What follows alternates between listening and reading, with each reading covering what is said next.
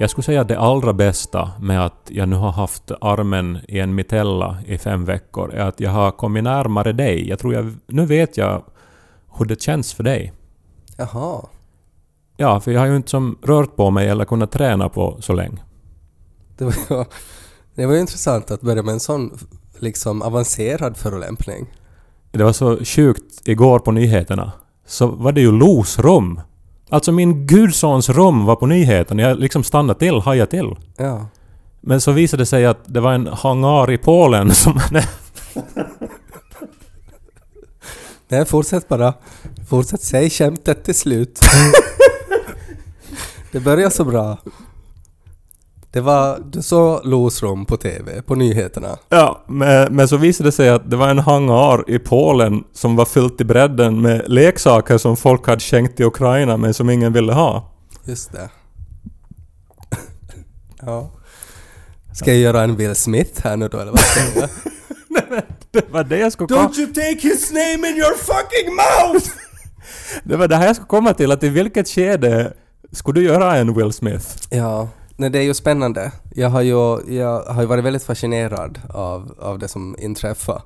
Uh, jag tror ju nog faktiskt att jag inte skulle göra det som han gjorde, utan att jag tror att, att jag skulle kunna tygla mina känslor så pass mycket så att jag skulle kunna liksom skada den här komikern liksom djupare vid ett senare tillfälle än just då. Jo, men där finns ju den här aspekten av att, att han ju säkert har sett Chris Rock liksom tusen gånger och de är väl vänner. Han, han, han vet vad stand-up är, han, han vet vad såna här... Han vet att det är på skoj. Ja, Och att jo, okej, nu gick det liksom nära honom. Men att han gör en sån här överreaktion är ju väldigt konstigt. Det är jättekonstigt och det är ju säkert mycket som man inte riktigt förstår där men att det är ju, det är ju han och, och Jada tycks ju ha en väldigt komplicerad relation Eh, och jag tror att det mest handlar om det som kanske fick ett sånt uttryckssätt då i form av att han släppade till Chris Rock. Jag läste, jag vet att det är kontroversiellt nu då, men det var, det var ett så roligt skämt att If Jada can't handle a joke about her widely publicized illness, then it's hair loss. Mm. Det är jättekul. Mm. Ja, nu är det Will Smith som kommer in här. Nej, men alltså det som jag tänkt att på, på något sätt handlar det ju om, om, om det heliga och vi har ju pratat om det heliga tidigare. Jag tycker det är väldigt intressant. Alltså det är någonting som nästan har försvunnit eh, ur folks vokabulär eller åtminstone ur folks emotionella förståelse. Alltså att det finns saker som är heliga och att när de kränks så då, då liksom är reaktionen eh, avgrundsdjup. Alltså, och, och som så här verkligen, antar jag, alltså nä- nästan omöjlig att hantera. Och att här upplevde jag nu då Will Smith att det var eh, någonting heligt som överträddes. Ja, men det heliga är ju då kanske det som skiljer oss från djuren på ett sätt också. Att, att när, när ett djur utsätts för ett heligt övertramp så då reagerar djuret med att Eh, skära upp halsen med, med sin så här, jag tänker på en sån här velociraptor som bara sparkar upp pulsådern direkt för att någon sa någonting fult om äggen. Uh, men att som människa så handlar det ju om att lära sig tygla de här första primala instinkterna. För att vi ska ju vara då moka större än våra instinkter. Och det är ju det som är liksom att den här enda korrekta reaktionen som Will Smith borde ha haft är ju att när han såg att oj, nu tyckte Jada inte riktigt om den här kommentaren, då borde han satt armen om, om henne, visa att han är här, uh, hon har hans stöd.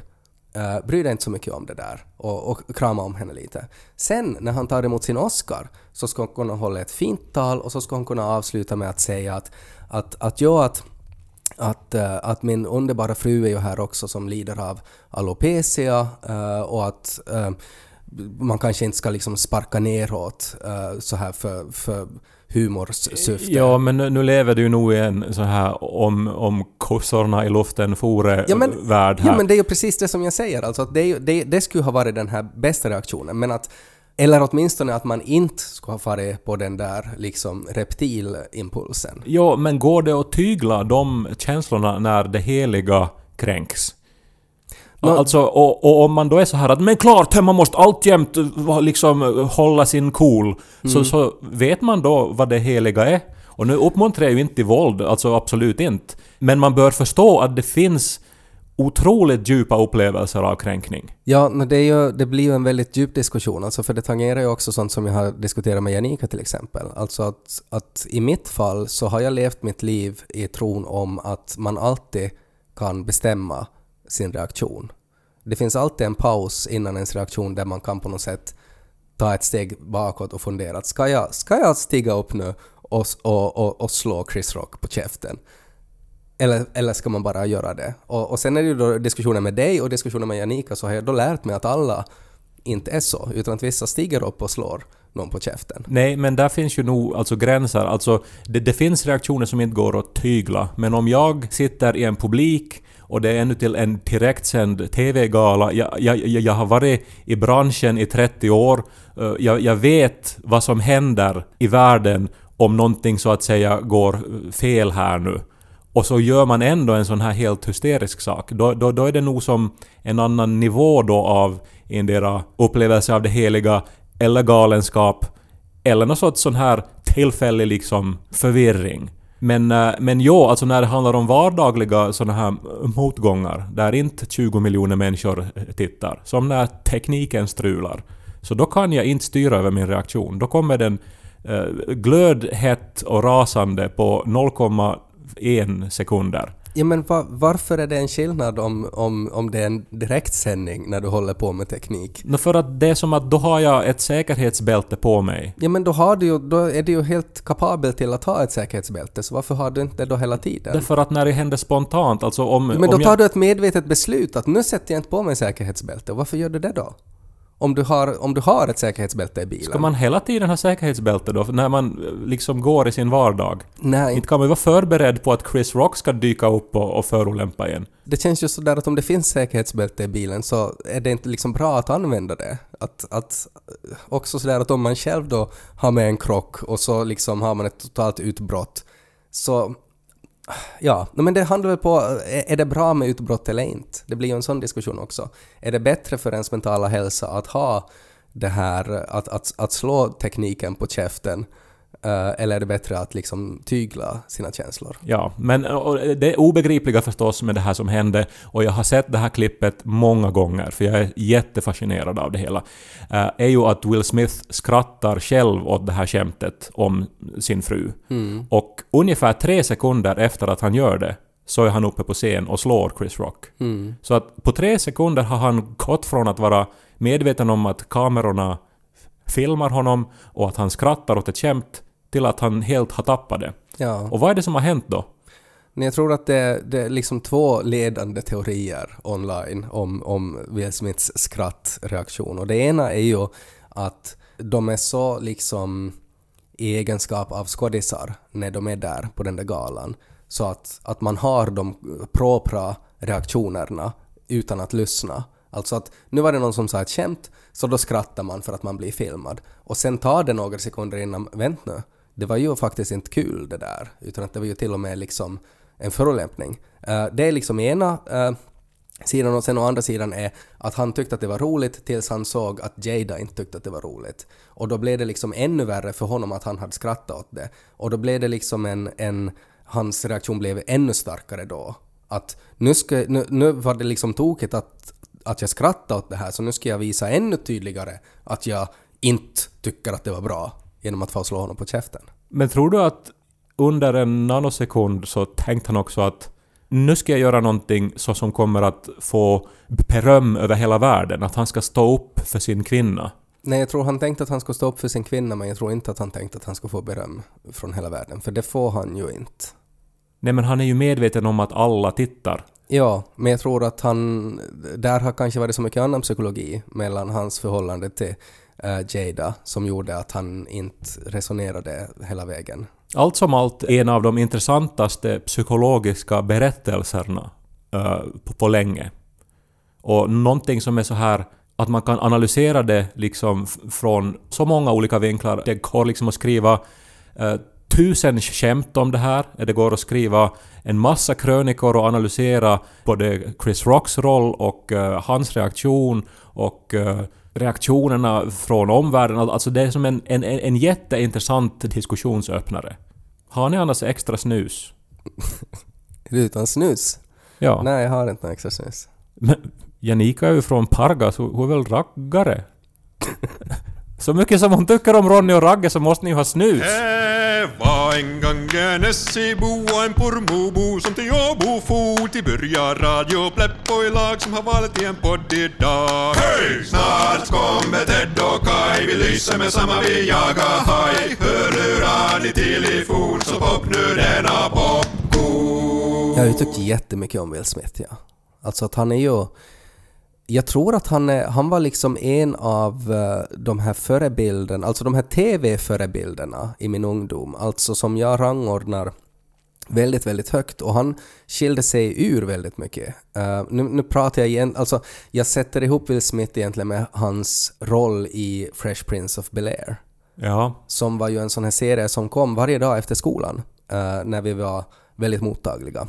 Ja. Och en sitcom som jag upplever håller, håller måttet än idag. I, I vissa fall, alltså den har ju åldrats men att den är, den är liksom helt okej.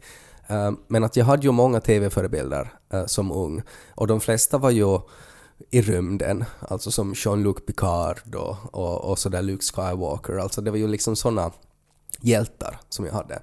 Men uh, Will från Fresh Prince of Bel-Air, så eh, han är en som jag också skulle sätta i den kategorin. Alltså hur han betedde sig, hur han använde humor för att desarmera situationer, hur cool han var. Han var ju otroligt, otroligt cool. Ja.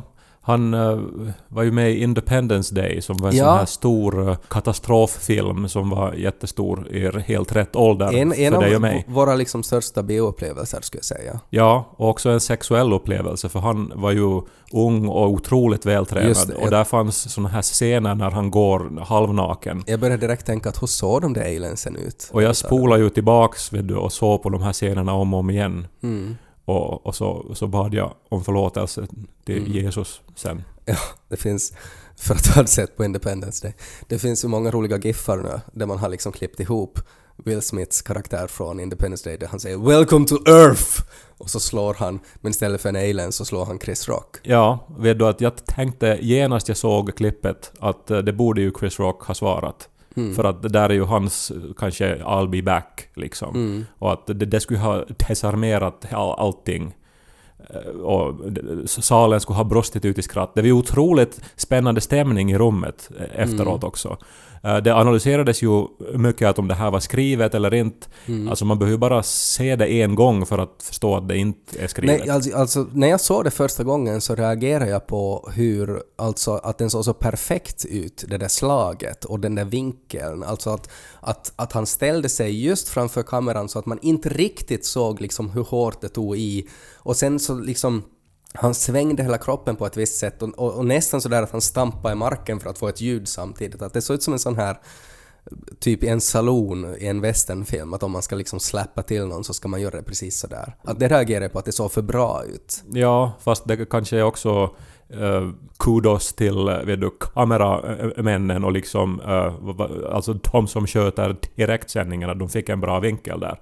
Sen har ju han, han är ju tränat en massa kampsport och sånt. Han har väl spelat Muhammad Ali i en film. Så han Ja. har ju säkert liksom lärt sig hur man, hur man slår.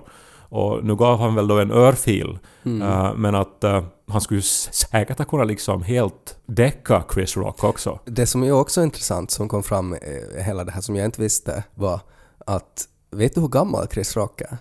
Nå, Han såg överraskande gammal ut, Ja, reagerar jag på. han är 57. O- o- Okej. Ja, Att han är snart 60. okej. Will Will Smith måste ju vara över 50 också då. Ja, Ja. men alltså Chris Rock på något sätt ändå sådär att man, ja men han är kanske 40, han är lite äldre än vi kanske. Eh, men att han är, han är betydligt äldre. Men det som jag skulle komma till var att, eh, att jag reviderar ju lite min åsikt nu om Will Smith också efter det här. För att jag tycker att det här är så, det går ändå över så många gränser det här. Eh, och det som jag också tycker är spännande är ju hur han inte eskorterades ut. Jo, han, han, han gick upp på scen och slog ner eh, programvärden. Ja, Och går och sätter sig igen. Ja. Och ingen reagerar. Nej, och sen får han en Oscar efteråt och Ja. får hålla ett tal. Alltså att, att det är ju helt absurt det. Tänk om det, skulle ha varit, tänk om det inte skulle ha varit Chris Rock utan att tänk om det skulle ha varit Amy Schumer som han skulle ha farit och, och slagit. Ja, som sagt, alltså oändligt med saker att diskutera och tänka på och... Sen har ju hans son Jaden, som ju är också väldigt speciell, eh, han har tweetat nu att “and that's how you do it”. Ja, okej, jag läste också det. Men eh, det, det verkar ju vara att han, att han skrev det vid du, genast när det hände och sen så har han också börjat inse att det var nog kanske inte så, så smart ändå. Nej men det säger ju också liksom en del om hans uppfostran och hur de ser på det här att liksom att, att i Will Smiths värld så handlar det om att han bara skyddar sin familj. Som ju hela eh, hans Oscar ju också handlar om, alltså King Richard. Har du sett den? Nej. Jag tittar på den. Eh, helt okej. En sån här typisk Oscarsfilm, alltså där man tar en liksom snygg och vältränad uh, Hollywoodstjärna och så ger man dem en roll där de pratar eh, lite, de läspar lite, eh, är lite hopkrympta och har liksom stora svårigheter. Och så får de en Oscar. Alltså en sån här klassisk sån film. Den var helt bra och han, var, han gjorde en väldigt bra roll men att där handlade det ju också om att han gör allt för familjen och att familjen är liksom det, det enda som finns och, eh, och det handlar om respekt och det handlar om ens image. Ja, men blev det som lite fel sen när han höll sitt tal typ några minuter efter att han då har slagit till Chris Rock på scen och pratar om då att han är då någon sorts sån här kärlekens budbärare och, och just att han gör vad som helst för sin familj och vad det då säger om att liksom, ja, till alla vanliga människor som ser då på det här, att man då kan alltså, enligt hans exempel då, randomly då gå och slå till någon som man upplever att, eh, att ha kränkt någon i ens närhet. Nå, det är ju just det som är grejen, att det kan ju inte en vanlig människa göra, men Och- det kan Will Smith göra. Och sen alla år med Ricky Gervais så här Mm. och, och hur han har liksom eh, rört sig nära gränsen alltid, Mm. i, så som i hans liksom eh, som ju är hans eh, trademark liksom. Mm. Och ska komiker nu då i allmänhet då börja måste liksom vara rädda för att stå på scenen och gå nära gränsen? Det skulle vara intressant om det skulle vara som ett nytt prejudikat det där, alltså att, att, att vem som helst får egentligen gå upp och liksom slå till komikern. Alltså det känns ju nästan sådär feodalt, alltså sådär att, att hovnarren är där och säger skämt men att en riddare får när som helst gå dit och liksom bara mörda honom för att det är en riddare och det här är ju bara en hovnarr. Sådana här svinrika, svinsnygga Hollywoodmänniskor som blir förolämpade och som sen gråter och ber om ursäkt för att de har misshandlat någon på si- Alltså det är nog svårt ändå att riktigt som känna. Eller man vet inte var ens känslor landar riktigt i hans Nej, fall. nå, eh, alltså egentligen så skulle man ju måste vara väldigt obrydd. Alltså att det är ju egentligen är det fruktansvärt ointressant. Att det bara på något sätt visar hur, alltså den här fantasin, den här psykosen som vi alla lever i, där vi upphöjer vissa kärnor till just kärnor. Bara för att de har ett jobb som får, ger dem mycket exponering. Eh, det är ju helt sjukt är det ju att vi gör det. Och det är ju i sådana här situationer som man på något sätt det här skynket dras undan och man är sådär, nej men på riktigt, vad, vad håller vi på med? Ja men det är ju också det här att orsaken till att det här är så stort eh, just nu är ju för att det var som ett ögonblick av temaskering också. eh, Som var ovanligt öppet så här Mm. inför hela världens ögon. Nå framförallt också när ju Will Smith har ju varit ökänd över det att han inte, eh, han inte använder svordomar, att han har liksom velat vara en sån jättebra och proper förebild. Det kan man ju rasera med en uh, örfil. Men du har inte ännu svarat på min inledande fråga. Vad skulle, krävas, vad skulle krävas för att du skulle liksom gå och slå till någon? Alltså, alltså finns det någon kränkning som skulle göra... Alltså, och nu menar jag inte då som att någon skulle hota förstås, utan, men som att någon verbalt skulle som ge sig på någon i din närhet som skulle göra att du skulle överväga att gå och slå till den människan. Jag tror inte det finns någonting verbalt som skulle på något sätt kunna angripa mig, som skulle väcka sådana reaktioner att jag skulle få faktiskt och attackera någon. Det tror jag inte. Men jag kan nog förstå det att det skulle, om det skulle komma liksom från, äh, från någon sorts så här försvarsvilja, alltså att nu är det någon som inte kan försvara sig, som, som jag måste försvara. Men jag tror ju nog att, att uh, jag skulle kanske börja med att angripa verbalt innan jag skulle liksom gå till örfilen. Men det ska nog vara liksom, det- ska nog vara på en, en liksom hård nivå. Alltså man ska nog liksom stå där på scenen och liksom trampa ihjäl kattungar tror jag, innan jag skulle liksom springa på Chris Rock. Vad väcker det för känslor för dig då? Att om du skulle ha suttit, det skulle vara någon sån här kulturfondsutdelningsfest eh, och så skulle Kristoffer Strandberg är värd uh, och så, så ha, säger han någonting så här jätteroligt och så drar han något skämt om att, uh, att du bara har en arm till exempel för du har ju fortfarande handen i paket. Uh, och, och så skulle Niko skulle först skratta men sen så skulle han liksom, så skulle era blickar mötas och så skulle Niko då säga att du tyckte inte att det var så kul, att du, du har haft jätteont och du har ju inte kunnat sova och sådär. Och så skulle Niko sen liksom stå på scenen och så skulle han bara liksom slå ner Kristoffer Strandberg.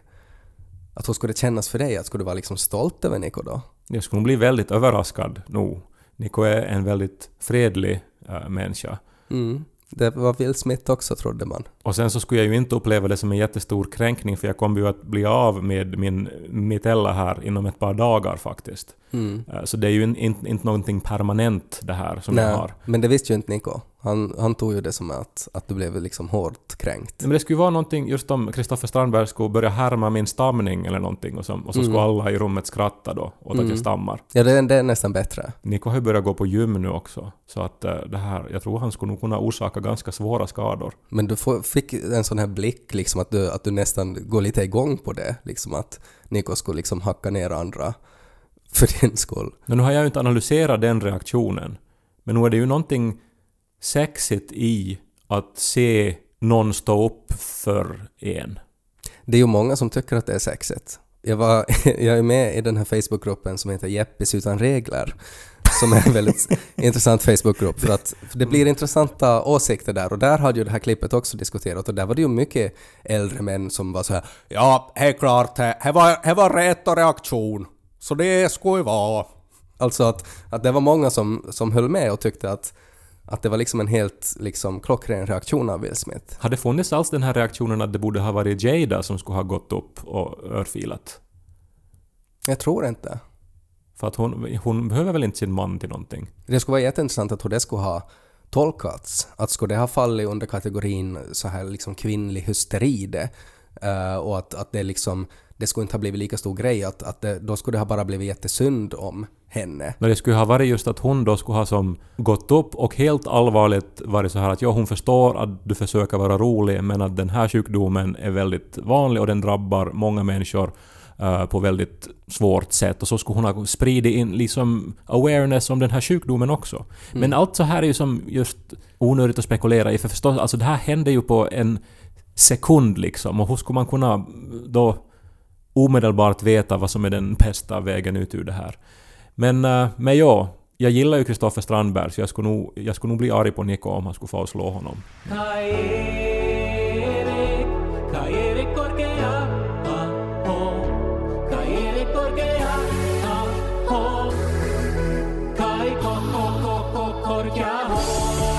Det fanns ju en eh, stor intervju med humorgruppen Kai i Huvudstadsbladet i helgen också. Mm.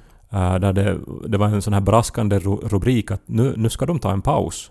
Ja. Och eh, jag, jag liksom hajar ju till att är det färdigt nu? Eh, men sen när man läser artikeln så är det väl att i höst så ska de inte ha premiär för en ny, ny musikal.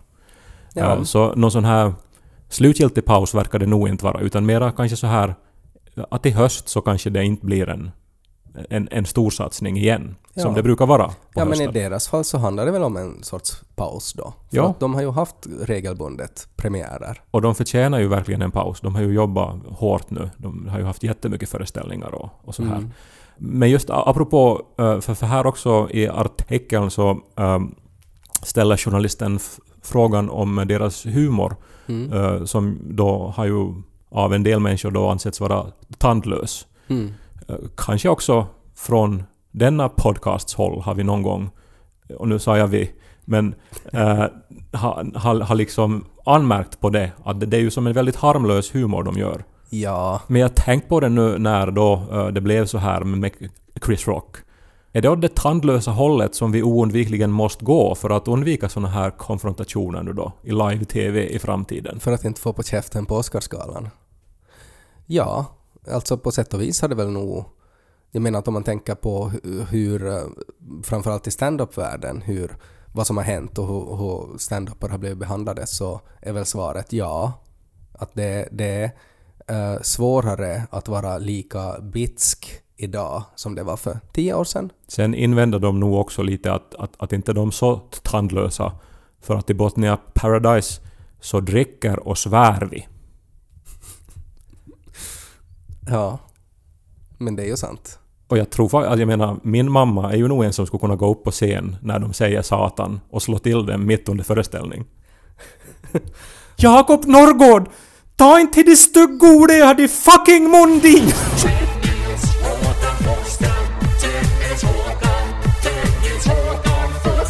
Fanns det ju mycket som hände på Oscarsgalan också som ingen pratar om nu då. Att det var ju en sån här mångfald bland vinnarna. Men det var väl också för att Oscarsgalan har kritiserats väldigt mycket. Att det inte har funnits en mångfald bland vinnarna. Ja, eller så var det... Just, alltså man har säkert arbetat för att eh, det ska finnas en bredd bland de nominerade. Mm. Och eh, det liksom är ju ett jätteviktigt arbete som ju nu då tydligen också ger resultat. Men Mm. att det enda som folk pratar om är ju att två män eh, slogs på scenen. Mm. Det, det är ironiskt och ledsamt förstås.